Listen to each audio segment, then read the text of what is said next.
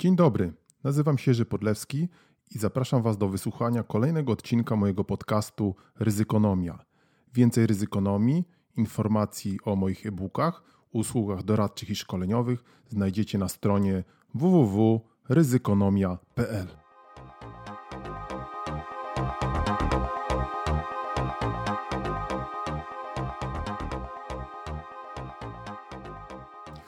Dobry, dzień dobry, dzień dobry. Kolejny przegląd ryzyka ze świnką. To już odcinek 34. Nieźle nam idzie, prawda? Mamy małe przerwy, ale one są spowodowane rzeczywiście naszym zawaleniem się ostatnio robotą z różnych przyczyn. Miejmy nadzieję, że za jakiś czas będę miał więcej czasu. Ha, ha, ha, kiedy to tak jest. A świnka też oczywiście jest. Ona dla Was zawsze ma czas. Mm, I kot też tu się pojawił. Próbuję w ogóle wyciszyć tutaj kota wyczyny. Słyszycie teraz? No, włączyłem bramkę szumów, więc może trochę kota wyciszyło. On niestety tutaj grasuje mi ostatnio po komputerze e, i próbuje chyba wysiudać śpin, świnkę, prawda? Ale to przecież nie jest tak łatwo. Może na przykład zwolni rodzinę świnki, wtedy świnka odejdzie, nie? No właśnie. No właśnie, ryzyka są, nowe się pojawiają. Na początku oczywiście trochę takiego przeglądu, co się wydarzyło. Chciałem Wam polecić w szczególności ostatnio dwa y, moje artykuły, y, które znajdziecie na blogu Ryzykonomia, tak, tak, tym, to, który ostatnio obchodził swoje dziesięciolecie, dziesięcio, dziesięcio rocznicę, tak. Właśnie jeden artykuł e, dotyczący e, rzeczy bardzo ważnej. E, dzisiaj chyba tak jak nigdy. Ryba psuje się od głowy, taki tytuł artykułu. I to artykuł dotyczy koncepcji tone at the top, czyli właśnie tonu płynącego z góry. Ostatnio można powiedzieć z tego powodu trochę go przeczytałem, bo ostatnio przeczytałem jakiś artykuł jakiegoś bankowca, który narzekał, że tyle wprowadzono nowych regulacji, bazyleje, solwensy, 1, 2, 3, czwartą podobną już szykują, a tutaj no nie działa, tak? No, wcale mnie to specjalnie nie dziwi, bo na końcu przecież tych wszystkich regulacji są ludzie, są zarządy, y, jest o ile w ogóle jest ład korporacyjny, y, prawdziwy albo tylko taki na papierze, częściej na papierze i co byśmy nie wprowadzali, y, to jednak te wartości, etyka, moralność, hmm, co to jest, są tutaj najważniejsze. Także polecam was, was, Wam tutaj ten artykuł, szczególnie w dzisiejszych czasach, kiedy naczelni kontrolerzy różnych republik bananowych okazują okazują się e, biznesmenami prowadzącymi hotele na godziny i sobie teraz pomyślmy, co taki zwykły Kowalski e, czy zwykły pracownik może sobie z tego wyciągnąć za wnioski. No chyba nie za dobre. Mm, no, ostatnio dwa takie ciekawe case'y też słyszałem z regionu północnego. Jeden bodajże dotyczący dotyczące fraudów, którego, których dokonał informatyk, zdaje się, że w, pewnych, e, w pewnym MOPS-ie, Miejskim Ośrodku Pomocy Społecznej, który się, mając dostępy do różnych profili, e, sobie tam e, przez chyba ładnych, dosyć długo lat coś szarpał na boku, aż w końcu gdzieś tam go przygwożdżono. To też ciekawa sprawa. Polecam Wam raporty Report to the Nation Międzynarodowego Stowarzyszenia Audytorów Śledczych.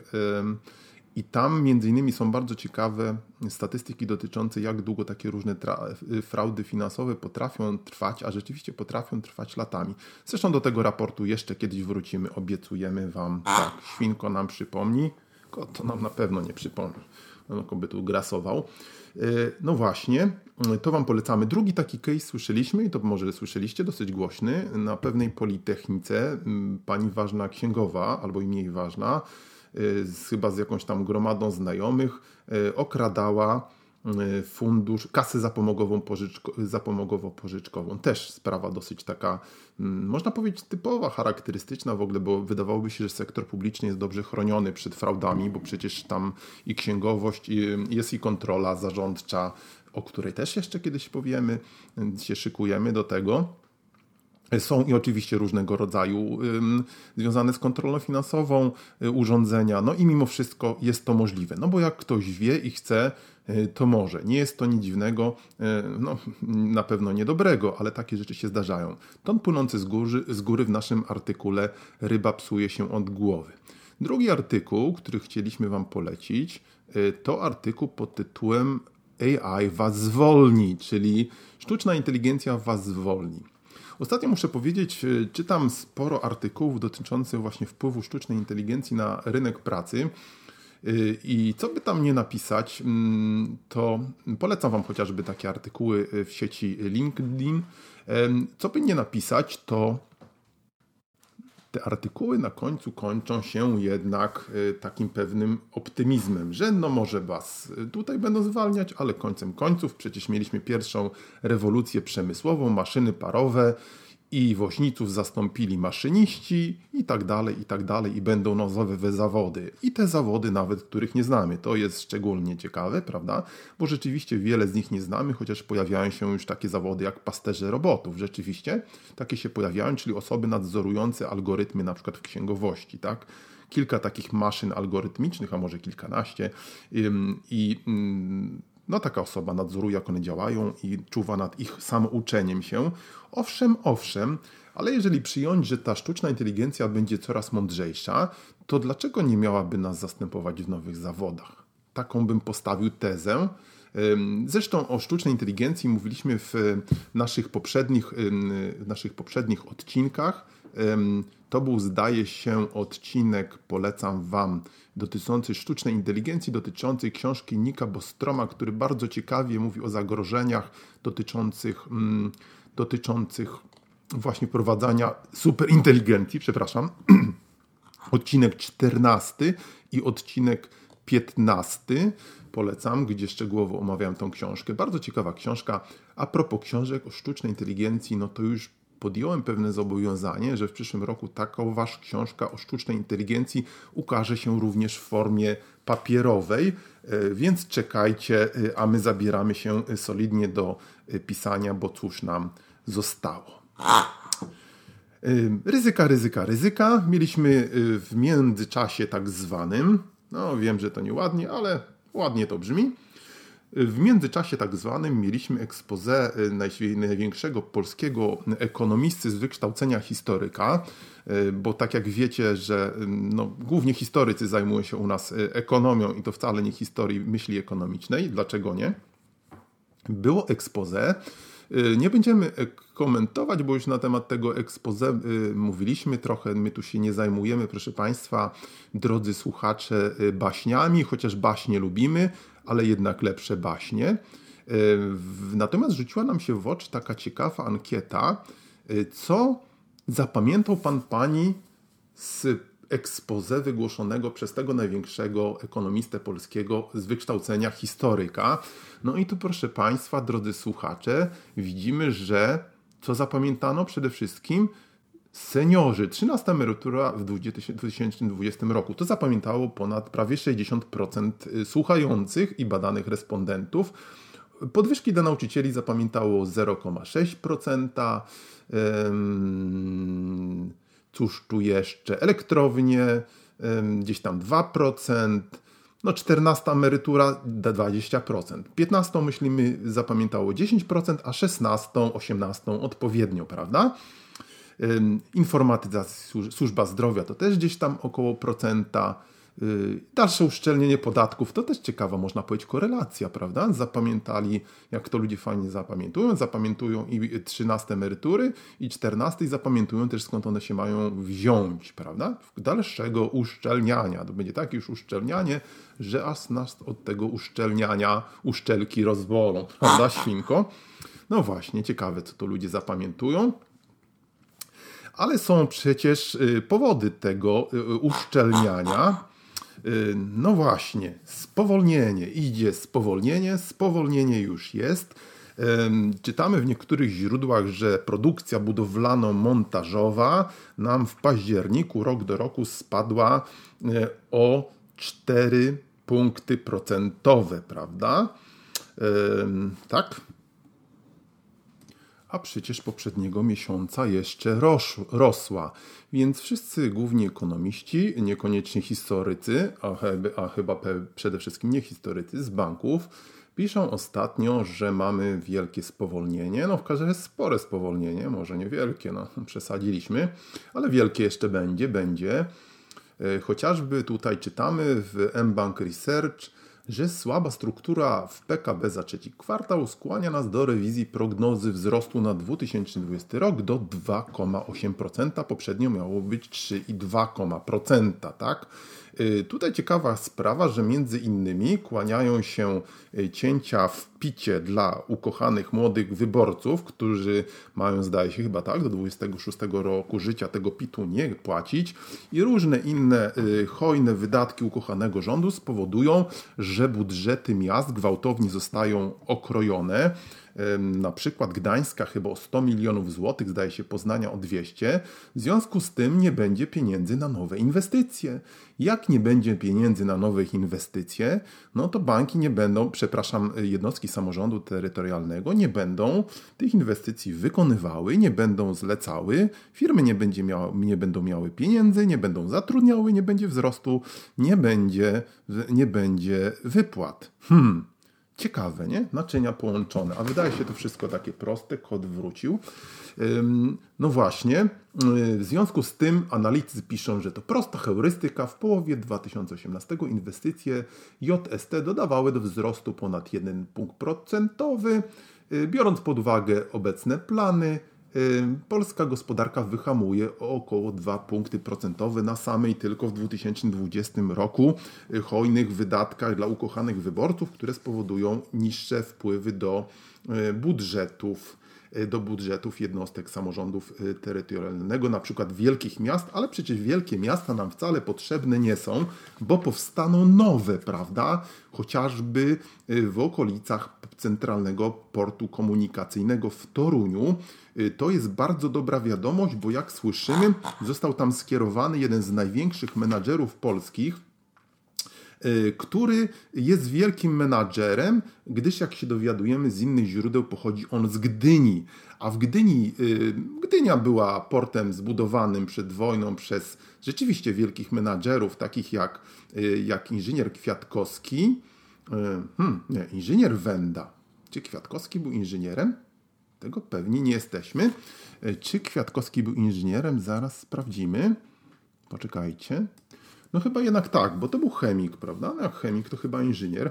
No właśnie, w, w związku z tym, że ten największy e, menadżer, e, project manager, który się zabierze teraz za ten centralny port komunikacyjny, wiecie Państwo, ten taki galaktyczny hub pod Radomiem, do którego będą zjeżdżać ludność całego świata, żeby wylecieć na cały świat E, właśnie y, stanie się jego project managerem wielki menadżer z Gdyni, a ponieważ jest z Gdyni, to wiadomo, że wszyscy y, są y, wielkimi project managerami, gdyż Gdynia ma taką specjalną aurę. Tak to mniej więcej wygląda. Trochę HR-ów, jeżeli ktoś nie rozumiał. Następna sprawa, bardzo ciekawy ostatnio artykuł, trochę tych artykułach powiemy, no ale skąd my mamy tutaj czerpać wiedzę o rzeczywistości, prawda? Przecież nie przez patrzenie za okno, jak to kot ma z, w zwyczaju, tylko, w, tylko czytając, słuchając różnego rodzaju e, informacje. Podcasty Wam też zawsze polecamy. E, chociażby nasz podcast. O, ten podcast, przecież to jest podcast, przecież my polecamy oczywiście. E, no więc ostatnio też ciekawy artykuł w Business Insiderze na temat fikimiki, które nam się szykuje tutaj w związku z wypłatą owej sławnej 13 emerytury. Y, otóż y, y, ukochany rząd zmienia fundusz niepełnosprawnych na fundusz solidarnościowy.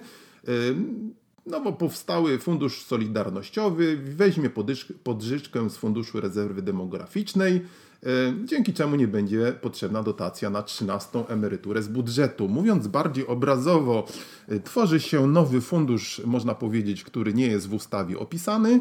Do niego e, są transferowane pieniążki, pieniążki wracają z powrotem do budżetu i w ten sposób reguła wydatkowa pozostaje nietknięta. Cóż to jest reguła wydatkowa? No to jest, można powiedzieć, taka reguła, która nam trzyma gdzieś tam budżet w ryzach, wymyślona jakiś czas temu w Ministerstwie, w Ministerstwie Finansów. Zresztą wywiad jest z twórcą, z jednym z twórców tej reguły wydatkowej, panem, o ile nazwisko nie mylę się, z panem Koteckim. Dokładnie tak właśnie pan Ludwik Kotecki, e, były mm, e, główny ekonomista Ministerstwa Finansów, jeden z twórców właśnie owej reguły wydatkowej, która e, wiąże, nazwijmy to, nazwijmy to budżet, tworzenie budżetu ze średnim wzrostem PKB z 8 lat, z celem inflacyjnym Narodowego Banku Polskiego, i kondycją finansów sektora publicznego. Tak to y, najogólniej można by tutaj y, podsumować. Właśnie, czyli taka, no można powiedzieć, klasyczne fiku-miku finansowe, księgowe. Nie było pieniążków, a już są. Przy okazji coś tutaj nam jęczą niepełnosprawni, że to były ich pieniążki, ale czy kaleki tutaj mają coś do gadania, niech sobie tam siedzą cicho, ich tam już obliczono, że do wyborów za bardzo głosy się nie liczą, więc się nie ma czym przejmować. No właśnie, y, zresztą bardzo ciekawy artykuł, możecie go dzięki temu łatwo wygooglać, bo ten artykuł ma tytuł Trup leży w pokoju, a obecnie zacierane są ślady, tak? E, niebezpieczny ruch rządu w sprawie emerytur Polaków, które zresztą gdzieś tam czytamy tweety mają wynosić gdzieś około 1000 zł na dzisiejsze pieniądze wkrótce, czyli bieda po prostu. Spotkamy się wszyscy w śmietniku. Nie martw się świnku, a zawsze coś tam się dla ciebie znajdzie. Zresztą świnki chyba lubią jedzenie z śmietnika. My mniej, ale cóż nam pozostanie. Właśnie, właśnie. Zresztą teza artykułu jest też ciekawa, bo wynikałoby z niej, że tak naprawdę to to fiku miku ma za zadanie też, bo trup już leży, pokrycie pieniędzy na wydatki na 500 plus już w tym roku, tak? Których tak naprawdę już wcześniej nie było. No więc ha ha ha, ha, ha, ha. Yy, ale ludność się cieszy i czeka na 13 emeryturę, potem na 14, 15 yy, i tak dalej, a przecież to wszystko już w innych krajach było. Panowie historycy, nie słyszeliście może trochę yy, historii myśli ekonomicznej, a może nawet tej najnowszej moglibyście yy, poczytać sobie. Kolejne ryzyko, o którym chcielibyśmy, chcielibyśmy tak oględnie yy, powiedzieć, bo nie wiadomo, kto to nam dzisiaj słucha, Taki mamy świat, taki mamy kraj. E, w niedzielę odbyły się demonstracje w ponad 100 miastach Polski dotyczący, dotyczących, a właściwie w obronie między innymi pana sędziego e, Juszczyszyna. E, naprawdę wielki szacunek dla, dla pana sędziego. E, który zażądał, e, czy zażądał, nie zażądał, wydał, wydał postanowienie, które, które ma na celu ujawnienie owych sławnych list do, e, do, do tego neo-KRS-u, które nie jest już najwyraźniej w ogóle szanowane, podobnie, nie szan, wykonywane, jak, jak, jak wyroki sądów w naszym kraju. Czy to jest ryzyko, kochani? No, tak mi się wydaje, że pewne jest, bo skoro się nie szanuje tego wyroku sądu, a wręcz y, później sędzia jest degradowany, zawieszany i zwalniany, to po co w ogóle wyroki sądu szanować? Jaki to będzie miało wpływ na biznes? No cóż, dramatyczny, dramatyczny, bo wyobraźmy sobie taką science fiction sytuację, że jakaś firma idzie do sądu, ma tam w sądzie gospodarczym sprawę i tą sprawę wygrywa, na przykład w, związaną z jakimś sporem z, jakimś, z jakąś rządową spółką, czy, czy w ogóle rządem, tak to nazwijmy, a rząd mówi, nie wykonuje i kto mi coś zrobi, mam wasze futro, kto mi co zrobi. System prawny jest oparty na zaufaniu, tak jak system pieniężny, jak cała gospodarka. Kiedy przestajemy sobie ufać, kiedy nie pewna umowa społeczna, e, opisana nawiasem mówiąc najwyżej w najwyższej naszej regulacji konstytucji nie jest szanowana, no to wtedy wszystko nam się wali na łeb. I to wszystko na łeb, ukochani moi, nam się zwali. E, to nie jest optymizm, to jest po prostu realna ocena mm, sytuacji. Y, zresztą w tle mamy też sprawę RODO. Okazuje się, że to RODO to można wykorzystywać w ogóle do zatajania informacji publicznej. Y, no i różne inne takie kwestie, o chociażby to, że ponad 500 sędziów, y, bo mieliśmy przecież niedawno wyrok Trybunału Sprawiedliwości Unii Europejskiej, może się okazać niepowołanych zgodnie z przepisami. I teraz każdy sprytny adwokat na może nawet wasz adwokat po przerżnięciu sprawy albo przegraniu ładniej od razu coś zrobi, y, zakwestionuje y, prawo owego sędziego wybranego niezgodnie z przepisami, bo prawdopodobnie wszystko na to wskazuje, a nawet można mieć pewność, niedługo tak orzeknie Sąd Najwyższy, może zakwestionować i macie procesik od nowa, tak? Czy to jest ryzyko dla biznesu? Hmm. Oczywiście, że jest. Biznes oczywiście tego nie dostrzega, bo jak wielokrotnie mówiliśmy, y, według biznesu polskiego ryzyka specjalnego tutaj w niczym nie ma. Y, następna taka rzecz też ciekawa, która mi się rzuciła w oczy, pokazała się gdzieś mapka stref wolnych od LGBT w Polsce. One głównie się tam gdzieś sytuują na południu Polski w rejonach, w rejonach patriotycznych y, i, y, i pierwszosortowych Y, gdzie my też bywamy. Spędziliśmy tam kawał naszego dzieciństwa na wakacje jeżdżąc, bardzo piękne rejony skądinąd. W każdym razie, z drugiej strony, jak pamiętamy, w tych rejonach jest masa różnego rodzaju inwestorów. I tak sobie teraz myślimy, co będzie, jeżeli taki inwestor nowy czy stary sobie przeczyta, że jest strefa wolna od LGBT, a o tym naprawdę piszą największe media na całym świecie, New York Times, The Washington Post, etc., etc., i co będzie, jeżeli taki inwestor będzie chciał tam otworzyć swój biznes? No, on prawdopodobnie tego biznesu może nie otworzyć, y, ukochani, którzy ustalacie tam y, takie y, strefy, zresztą moim zdaniem skromnym, niezgodnym z prawem, niezgodne z prawem, niezgodne z konstytucją i nie, niezgodne w ogóle z jakimiś, można powiedzieć, minimalnym ludzkim i kulturalnym podejściem. No bo przecież te różnego rodzaju kody of conduct y, wewnętrzno-korporacyjne są dla korporacji bardzo ważne. Korporacje y, patrzą na swoich inwestorów. Wśród inwestorów są też geje, les i różni inni, prawda? Dlaczego nie? Niech sobie żyją leben and leben lassen, jak mówią Niemcy. No i wtedy pojawią się problemy. Czy o tych skutkach gospodarczych pomyśleliście, nie mówiąc o tym o zwykłym ludzkim za mm, postępowaniu. Y, zresztą przy okazji przychodzi mi też taki ostatnio głośna sprawa, y, nie wiem czy słyszeliście, że szef McDonald'sa, szef McDonald'sa został zwolniony za, zaraz jak tam jest jego nazwisko, e, e, zwolnienie McDonald's, tak? McDonald's szef McDonald'sa, Stephen Eastbrook, został zwolniony chyba z dwa tygodnie temu, ponieważ dejtował, czyli umawiał się ze swoją pracownicą. Sprawa była nawet dosyć głośna. E, nie wiem, czy już o tym mówiliśmy, bo między innymi szef e, Ryan e, Era się wypowiadał, że to przesada, no ale taki jest kodeks postępowania. A z czego to wynika? No przecież wynika to z bardzo prostej sprawy. Jeżeli taki McDonald's zatrudnia kilkaset tysięcy ludzi i wszyscy zaczęliby się gdzieś tam umawiać, randkować i tak dalej, i tak dalej, no to by się im wszystko tam, mówiąc krótko, rozpieprzyło, tak?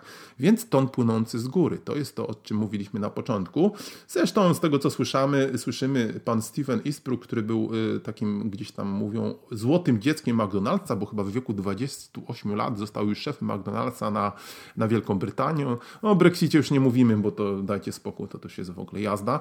Mm, chociaż ostatnio ciekawą sprawę słyszeliśmy właśnie w BBC, jak to um, Boris Johnson, który y, przez wielu Brytyjczyków, dlaczego się jest nazywany y, notorycznym kłamcą, ukrywa de facto w swojej szufladzie raport służb specjalnych dotyczący wpływu, e, wpływu jakichś e, obcych, e, e, no što, što, jakich obcych e, służb na, na Brexit e, i na finansowanie partii torysów, bo mówi, że on to ma w szufladzie i, i może po wyborach najwyraźniej pokaże, o ile jakiś w ogóle ha, ha, ha wpływ jest. No więc o Brexicie my już w ogóle nie mówimy, ale wracając do Stephena Easterbrooka, y, złotego dziecka McDonald'sa. Został on y, potem, został on wtedy, został on potem, jak już był tym złotym dzieckiem dalej, złotym dzieckiem został w końcu zwolniony z powodu, o których wspominaliśmy. No, pewnie jakoś wyżyje, bo gdzieś tam też słyszeliśmy, przeczytaliśmy, że różnego rodzaju opcje na akcje, jakieś tam jego zaskórniaki, to jest circa 60, 60 milionów złotych, więc przepraszam, dolarów oczywiście, więc można powiedzieć, że na chleb ze smalcem i na jakiegoś golfa wystarczy. Ale a propos złota, to też ciekawa sprawa, tak słyszymy, że wróciło nasze złoto z Wielkiej Brytanii, które zostało tam kiedyś wywiezione. O tym ciekawe filmy kiedyś pamiętam były dawno temu. Y, jak to y, w 1939 roku to złoto mm, udało się uratować przed, y, przed nazistami. No i widocznie złoto tam nie miało dostatecznie dobrze w Wielkiej Brytanii, bo ono do Polski teraz wróciło. Ludzie się zastanawiają, po co wróciło, ale z drugiej strony wiecie, czy tego złota to jest tak dużo, bo zdaje się wartość tego złota rynkowa to jest dzisiaj jakieś 18 miliardów złotych, a z tego co słyszymy i czytamy i gdzieś tam liczono, to do dzisiaj wartość programu 500, to jest chyba z 50 czy 60 miliardów złotych, prawda? No cóż, czyli 4 lata programu 500 i mamy nasze y, zapasy złota, można powiedzieć, skonsumowane y, i y, no pewnie konsumpcja rośnie, prawda? Ale gdzie te inwestycje, gdzie? No właśnie, to by było na tyle. Cieszę się, że mogliśmy jednak wrócić do naszego podcastu i jednak trzymać z Wami kontakt. Y, jak najszybciej postaramy się y, dalej y, opowiadać o, to, o tym, co, co w ryzyku, a w ryzyku ciągle dużo się dzieje. Nie musisz zarządzać ryzykiem, przetrwanie nie jest obowiązkowe. Powtórzymy nasze stare motto. Do usłyszenia, do zobaczenia. Bye, bye, bye. bye.